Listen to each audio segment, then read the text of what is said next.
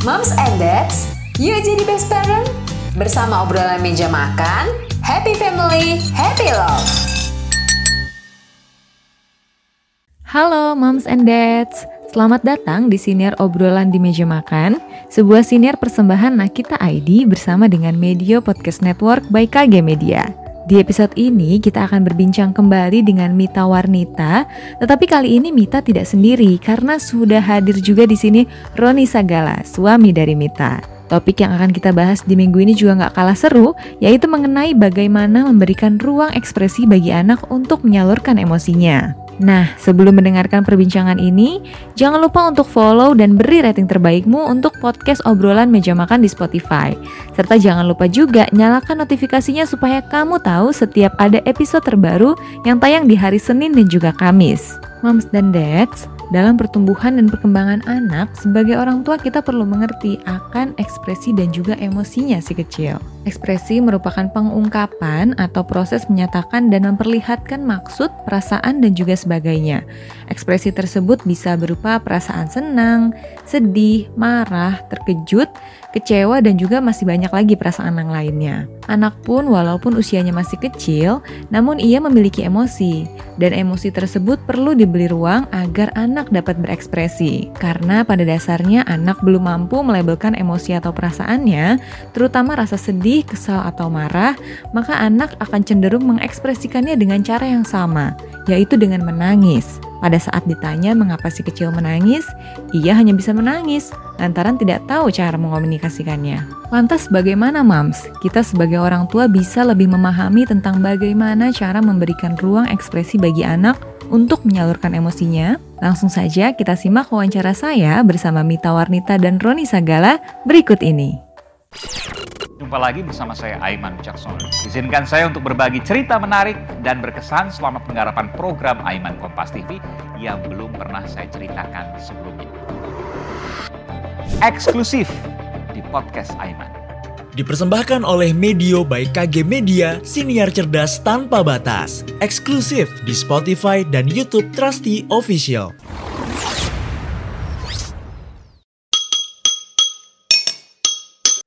Nah, Moms dan Dads sudah bergabung bersama kita nih Mbak Mita dan juga Mas Roni Sagala sebagai suaminya. Halo Mamit dan Abah. Nah, Moms dan Dads nih mungkin uh, ada yang belum mendengarkan. Jadi sebelumnya Mamit ini sudah pernah ngobrol nih bareng aku di episode sebelumnya. Dan sekarang spesialnya Mamit akan hadir bersama Abah suaminya untuk ngebahas gimana sih caranya memberikan ruang ekspresi bagi anak untuk menyalurkan emosi. Nah, sebelum itu, buat yang belum dengar, aku pengen menjelaskan lagi nih. Mamit dan Abah ini adalah ayah dan ibu dari dua orang anak yang lucu-lucu banget, namanya Eo dan juga Ako. Yang mana Eo usianya berapa nih, Mamit? Uh, hampir 10 tahun. Eo 10 tahun dan juga Ako 6 tahun. Betul ya? Ya. Nah, di usia-usia segini kan anak-anak mulai lebih ekspresif ya dibandingkan sebelum-sebelumnya ya Mamit dan juga Abah. Nah, di episode kali ini Mamit dan Abah akan cerita nih, sharing kepada kita semua nih Mams dan Dad gimana sih cara mereka berdua memberikan ruang ekspresi bagi kedua anaknya untuk menyalurkan emosi. Buat Mamit sama Abah sendiri sebagai orang tua dari dua orang anak, gimana sih caranya mengajarkan anak-anak untuk memahami perasaannya? Apalagi kan si kecil nih ada yang laki-laki, ada yang perempuan, otomatis mungkin emosi yang keluar berbeda-beda. Caranya Mamit sama Abah untuk ngajarin mereka untuk paham itu apa yang mereka rasakan gitu seperti apa Mamit? Silahkan. Kalau aku sih lebih ke yang banyak-banyak ngobrol ya, talking terus sama dia. Misalnya kalau dia lagi senang atau sedih harus diungkapin gitu kak, jangan disimpan. Kadang kalau yang besar ini kan masih suka banyak cemburunya gitu kan. Kadang dia suka kesal sama adiknya dan memendam rasa sebelnya gitu sama adiknya kita sebagai orang tua tuh harus harus cepet tanggep nih kenapa ya si abang gitu kan nah nanti aku uh, ajak dia ngobrol terus abang kenapa yang kayak gitu-gitu sih kak Oke, jadi lebih banyak untuk ngajak komunikasi ya Mamit ya. Karena memang nih Moms dan Dads di episode sebelumnya juga Mamit cerita bahwa kunci utamanya adalah komunikasi. Karena kelihatan banget dari Instagramnya aku kepoin Mamit sama anak-anak nih cara komunikasinya bagus banget. Di mana Mamit kelihatannya akrab banget sama anak-anaknya juga anak-anaknya begitu terbuka gitu kepada Mamit. Nah, kalau Abah sendiri sebagai seorang ayah, biasanya nih ayah-ayah ini agak challenging nih untuk untuk deket dan juga untuk curhat sama anak-anak. Untuk anak-anaknya bisa terbuka kepada ayahnya nih biasanya agak beda kepada daripada mamahnya. Gimana abah kalau abah caranya? Kalau kalau saya ya sebagai ayah, udah sama sama istri juga, ini sering ngobrol. Cuman kan dalam lingkup saya juga kerja di luar, jadi kan ngobrol sama anak mungkin terbatas waktu. Mungkin kalau di saya sih terlalu harus banyak aktivitasnya.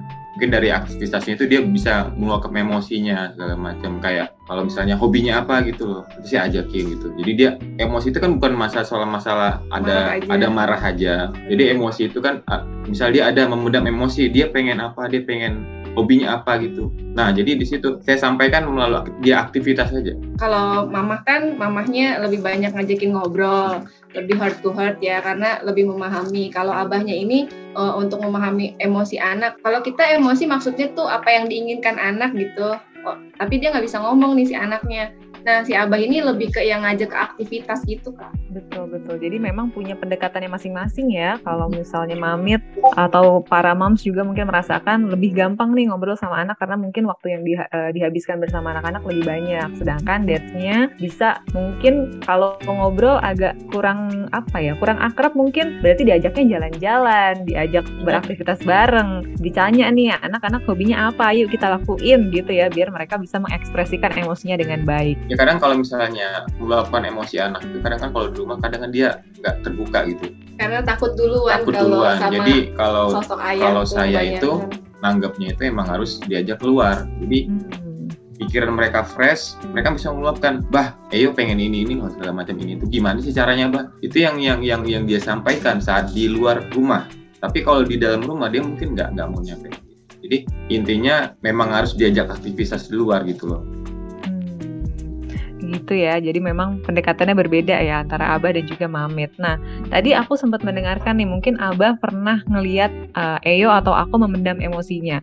Kalau dari Mamit dan juga Abah, kira-kira ciri-ciri anak saat memendam emosi itu kayak apa sih mungkin yang ditunjukin sama Eyo dan aku? Beda-beda. Beda-beda.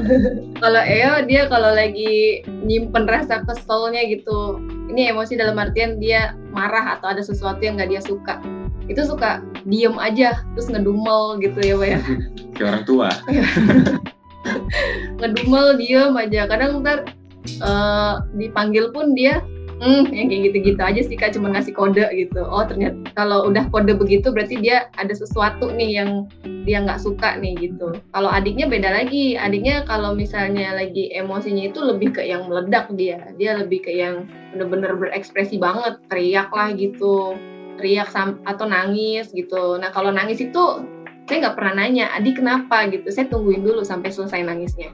Saya cuma nanya satu, Adi udah selesai nangisnya, gitu. Nanti baru kita ajakin ngomong. Wah, berarti ini terkait dengan caranya memberikan ruang ekspresi di rumah ternyata gitu ya. Untuk si kecil nih, buat yang perempuan ya, yang emosinya meledak-ledak, ternyata diluapkan dulu emosinya baru diajak ngomong ya, Mamit ya. Ya, nah, sedangkan yang laki-laki nih, kakak Eyo ternyata lebih ke memendam diam gitu ya. Saat dia memendam emosi itu dia diam. Nah, buat Mamit dan juga Abah sendiri menghadapi anak-anak dengan emosi yang mungkin beragam. Pernah nggak sih menyuangkan waktu untuk sama-sama berperan gitu untuk berdiskusi, berdiskusi membahas emosinya anak? Iya, pasti. Uh, kalau aku lebih ke yang bener ini talking. Pertama kalau dia lagi marah nih, ya abang lagi marah. Misalnya udah satu jam aku nggak ngelihat dia di depan aku nih, misalnya nggak nyamperin aku, berarti dia lagi bete nih entah apa gitu kan. Akunya harus peka nih akunya harus peka terus aku uh, peluk dia dulu iya anak mama kenapa sih sayang nggak ada suaranya? Kayak gitu-gitu kak. Lebih ke yang ngerayu. Nah nanti untuk memancing dia cerita gitu kak. Maksudnya untuk memancing dia mengungkapkan isi hatinya apa yang lagi dia nggak suka itu uh, pertama itu ya dirayu kasih rayuan maut supaya dia tuh mau cerita biar dia tuh ngeluarin apa unek-uneknya gitu kak. Soalnya kalau dia diem terus sayanya diem itu sampai besok juga diem aja. Diem aja dia nggak mau dia ngomong dia tuh harus dipancing dulu kalau Eo. Hmm, kalau dia lagi di, lagi kesal gitu ya harus dipancing omongannya dulu ditanya abang kenapa? Apa masalahnya bang? Nah ya udah kita kasih solusi. Berarti abang harus begini bang cara ngatasinnya. Kayak gitu sih kak Istilahnya, mungkin kalau anak itu sebenarnya dia lebih senang untuk didengar sih istilahnya kayak kita ngasih solusi pun belum tentu dia lakuin gitu kan kak. Betul betul. Nah kalau misalnya antara mamit dan juga abah nih kira-kira siapa yang paling peka nih untuk membaca emosi anak-anak? Bareng-bareng sih kita berdua bareng-bareng ya? Karena kan kalau kan kan soal kan tiap hari saya ketemu. Maksudnya tiap hari ketemu anak nih begini loh kadang hari begini dia marah kadang dia happy kadang dia enggak jadi udah ketebak ini pasti si abang pasti lagi ngambek gitu gitu sih Kalau abah kan ketemunya paling ngelihat ekspresi anak itu pas dia pulang kerja gitu kan, ngelihat eh, suasana hati si anak. Kalau misalnya abah pulang anaknya happy, berarti satu hari ini eh, good day gitu. Tapi kalau misalnya dia pulang si abang mukanya merengut atau si adik pas dia pulang lagi marah-marah gitu kan, oh berarti hari ini day. Nah nanti dia langsung ngambil tindakan nih kak, berarti mama tuh nggak bisa mengatasi nih, kenapa aku pulang anaknya masih merengut kayak gitu sih kak. Nah, kalau tadi mungkin cara mamit adalah dengan mengajak ngobrol anak-anaknya dan ternyata ketika abah pulang ke rumah belum berhasil nih caranya mamit untuk mem- membuat anak-anak meluapkan emosinya. Cara abah sendiri gimana cara mengatasinya kayak gitu abah? kalau kalau abah sih pertama itu pertama ngomong dulu ya maksudnya dia masalahnya apa ada marah-marah sama adiknya kenapa gitu kan apakah soal berbagi makanan kurang adil apa gimana gitu biasa kan atau mainan rebutan segala macam kayak gitu. Kalau kalau abah sih eh, tindakannya begini, Eh, untuk abah sendiri sebagai saudara itu, adik beradik kakak itu paling tidak harus saling berbagi. Suatu saat kalau misalnya abah sama mama udah nggak ada, nanti bang Iyo sama siapa? Paling abah abah gituin gitu dibaik-baikin baik-baikin. pokoknya. Nanti kan nanti kalau misalnya suatu saat abang Iyo besar nanti pasti bakalan abang Iyo itu melindungi adiknya. Jangan dimarah-marahin adiknya macam itu nggak boleh.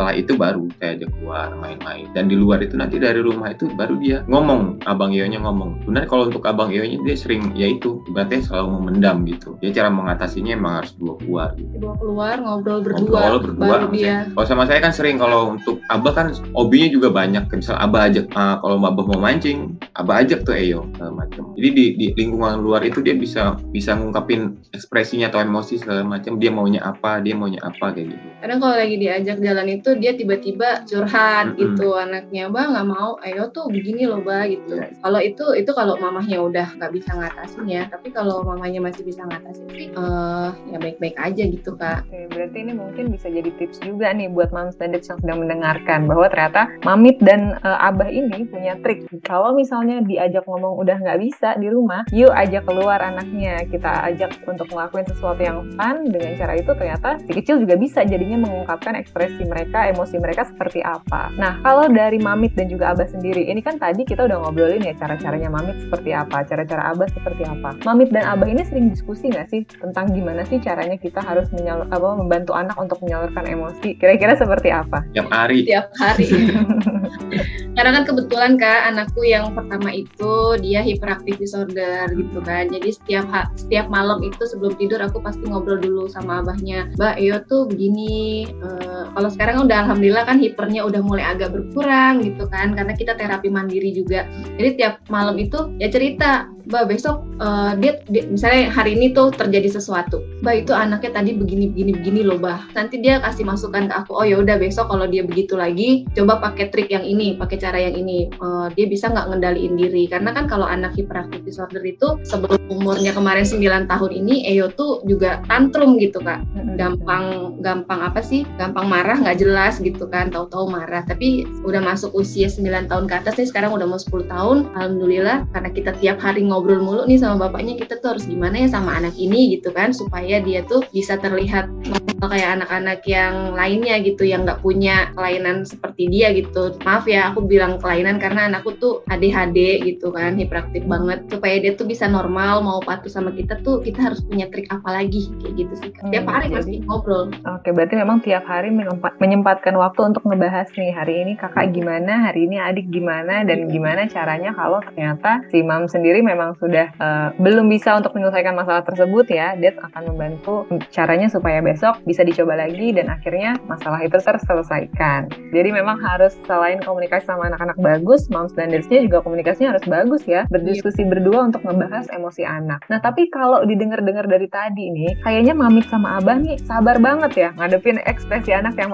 macem-macem. Diajak ngomong, diajak keluar. Pernah nggak sih? eh, mungkin sekali dua kali sebagai orang tua ya, pasti kita pernah juga ada saatnya kita kelewat batas gitu, mungkin marah. Kalau misalnya dari mamit sama abah sendiri, menurut mamit sama abah um, marahin anak tuh termasuk respon terhadap emosi anak nggak sih? Sebenarnya uh, ada dua sisi. Kadang aku marah itu memang benar karena dia sudah dikasih tahu yang baiknya, nggak mau juga gitu kan, nggak mau mengerti. Yang otomatis kan kita juga ke keikutan hmm, emosi gitu kan kak. Dan aku rasa itu manusiawi ya. Setiap orang tua pasti pernah melakukan itu gitu. Setiap orang tua pasti pernah marahin anaknya. Tapi di sini marahnya itu bener-bener ngasih tahu gitu kak. Nanti kalau dia udah, oh mamaku udah marah nih, berarti mama udah uh, udah habis nih mungkin sabarnya atau udah habis nih kata-kata mama yang paling baik buat aku. Nah setelah dia ngerti itu, palingan aku uh, minta maaf, maaf ya bang, mama harus marah-marah tadi. Soalnya abang nggak ngerti sih, yang kayak gitu-gitu sih kak. Kalau abang kalau ngomel-ngomel sih jarang ya. jarang karena biasanya nih abang ya, biasanya ayah itu mungkin ngomelnya jarang, tapi kalau udah ngomel anak-anak takut semua. Kalau dari abah kayak gitu juga nggak? Melotot dulu Paling dia. melotot aja. Kalau sih jarang ngomel, paling saya pelototin. Kalau saya pelototin masih masih masih nggak diberhentiin. Tapi kalau kalau selama si, sampai 9 tahun ini, ini umurnya si Eo ya, tapi cuma saya pelototin aja. Hmm. Saya pelototin dia langsung berhenti. Panggil namanya terus melototin. Udah. Pelototin. Ero, udah berhenti. Ternyata itu ya perbedaan triknya ya, dari mamit dan juga abah.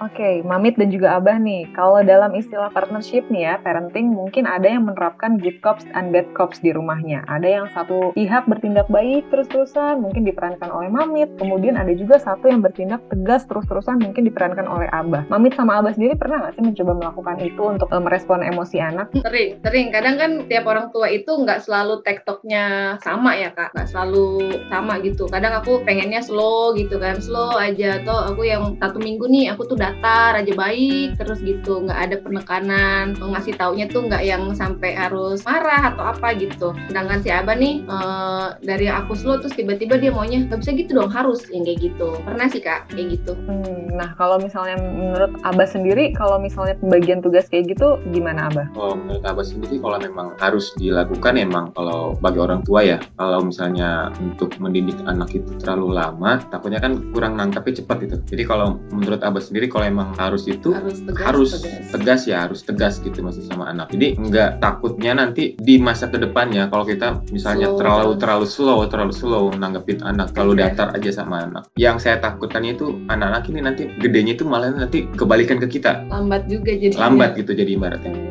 Kalau kalau di saya kan ibaratnya nanti takutnya nanti anak ini bisa ngelawan orang tua. Kalau misalnya kita terlalu terlalu datar-datar aja gitu. Jadi gitu. disepelein gitu sama anak gitu. Takutnya seperti itu yang kalau dari dunia saya yang yang yang yang di luar luar itu yang saya tanggap kan. Jadi saya nggak mau anak saya seperti itu. Gimana saya harus mendidik anak saya begitu? Kalau Tegas. dengan tegas ya sebagai laki-laki sebagai kepala rumah tangga memang di salah satu antara saya sama istri memang harus ada salah satu yang harus tegas begitu. Itu saya abah. Wow, gitu ya ternyata Moms dan Dad secara Mamit dan juga Abah berbagi peran atau berperan sama dalam menghadapi emosi anak dan juga cara menyalurkannya dengan baik. Seperti tadi Abah mungkin lebih ke aktivitas untuk mengekspresikan emosi anak, sedangkan Mamit lebih ke komunikasinya. Nah itu dia Moms dan Dad sudah selesai interview kita bersama Mamit dan juga Abah. Terima kasih banyak Mamit dan Abah atas kesempatannya untuk ngobrol bareng Nakita ya.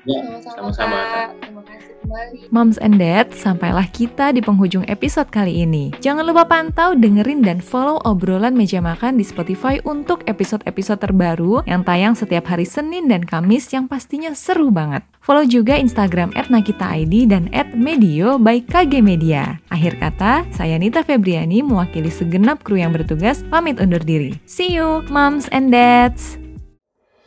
Thank you for listening moms and dad. See you on the next episode. Happy family, happy love.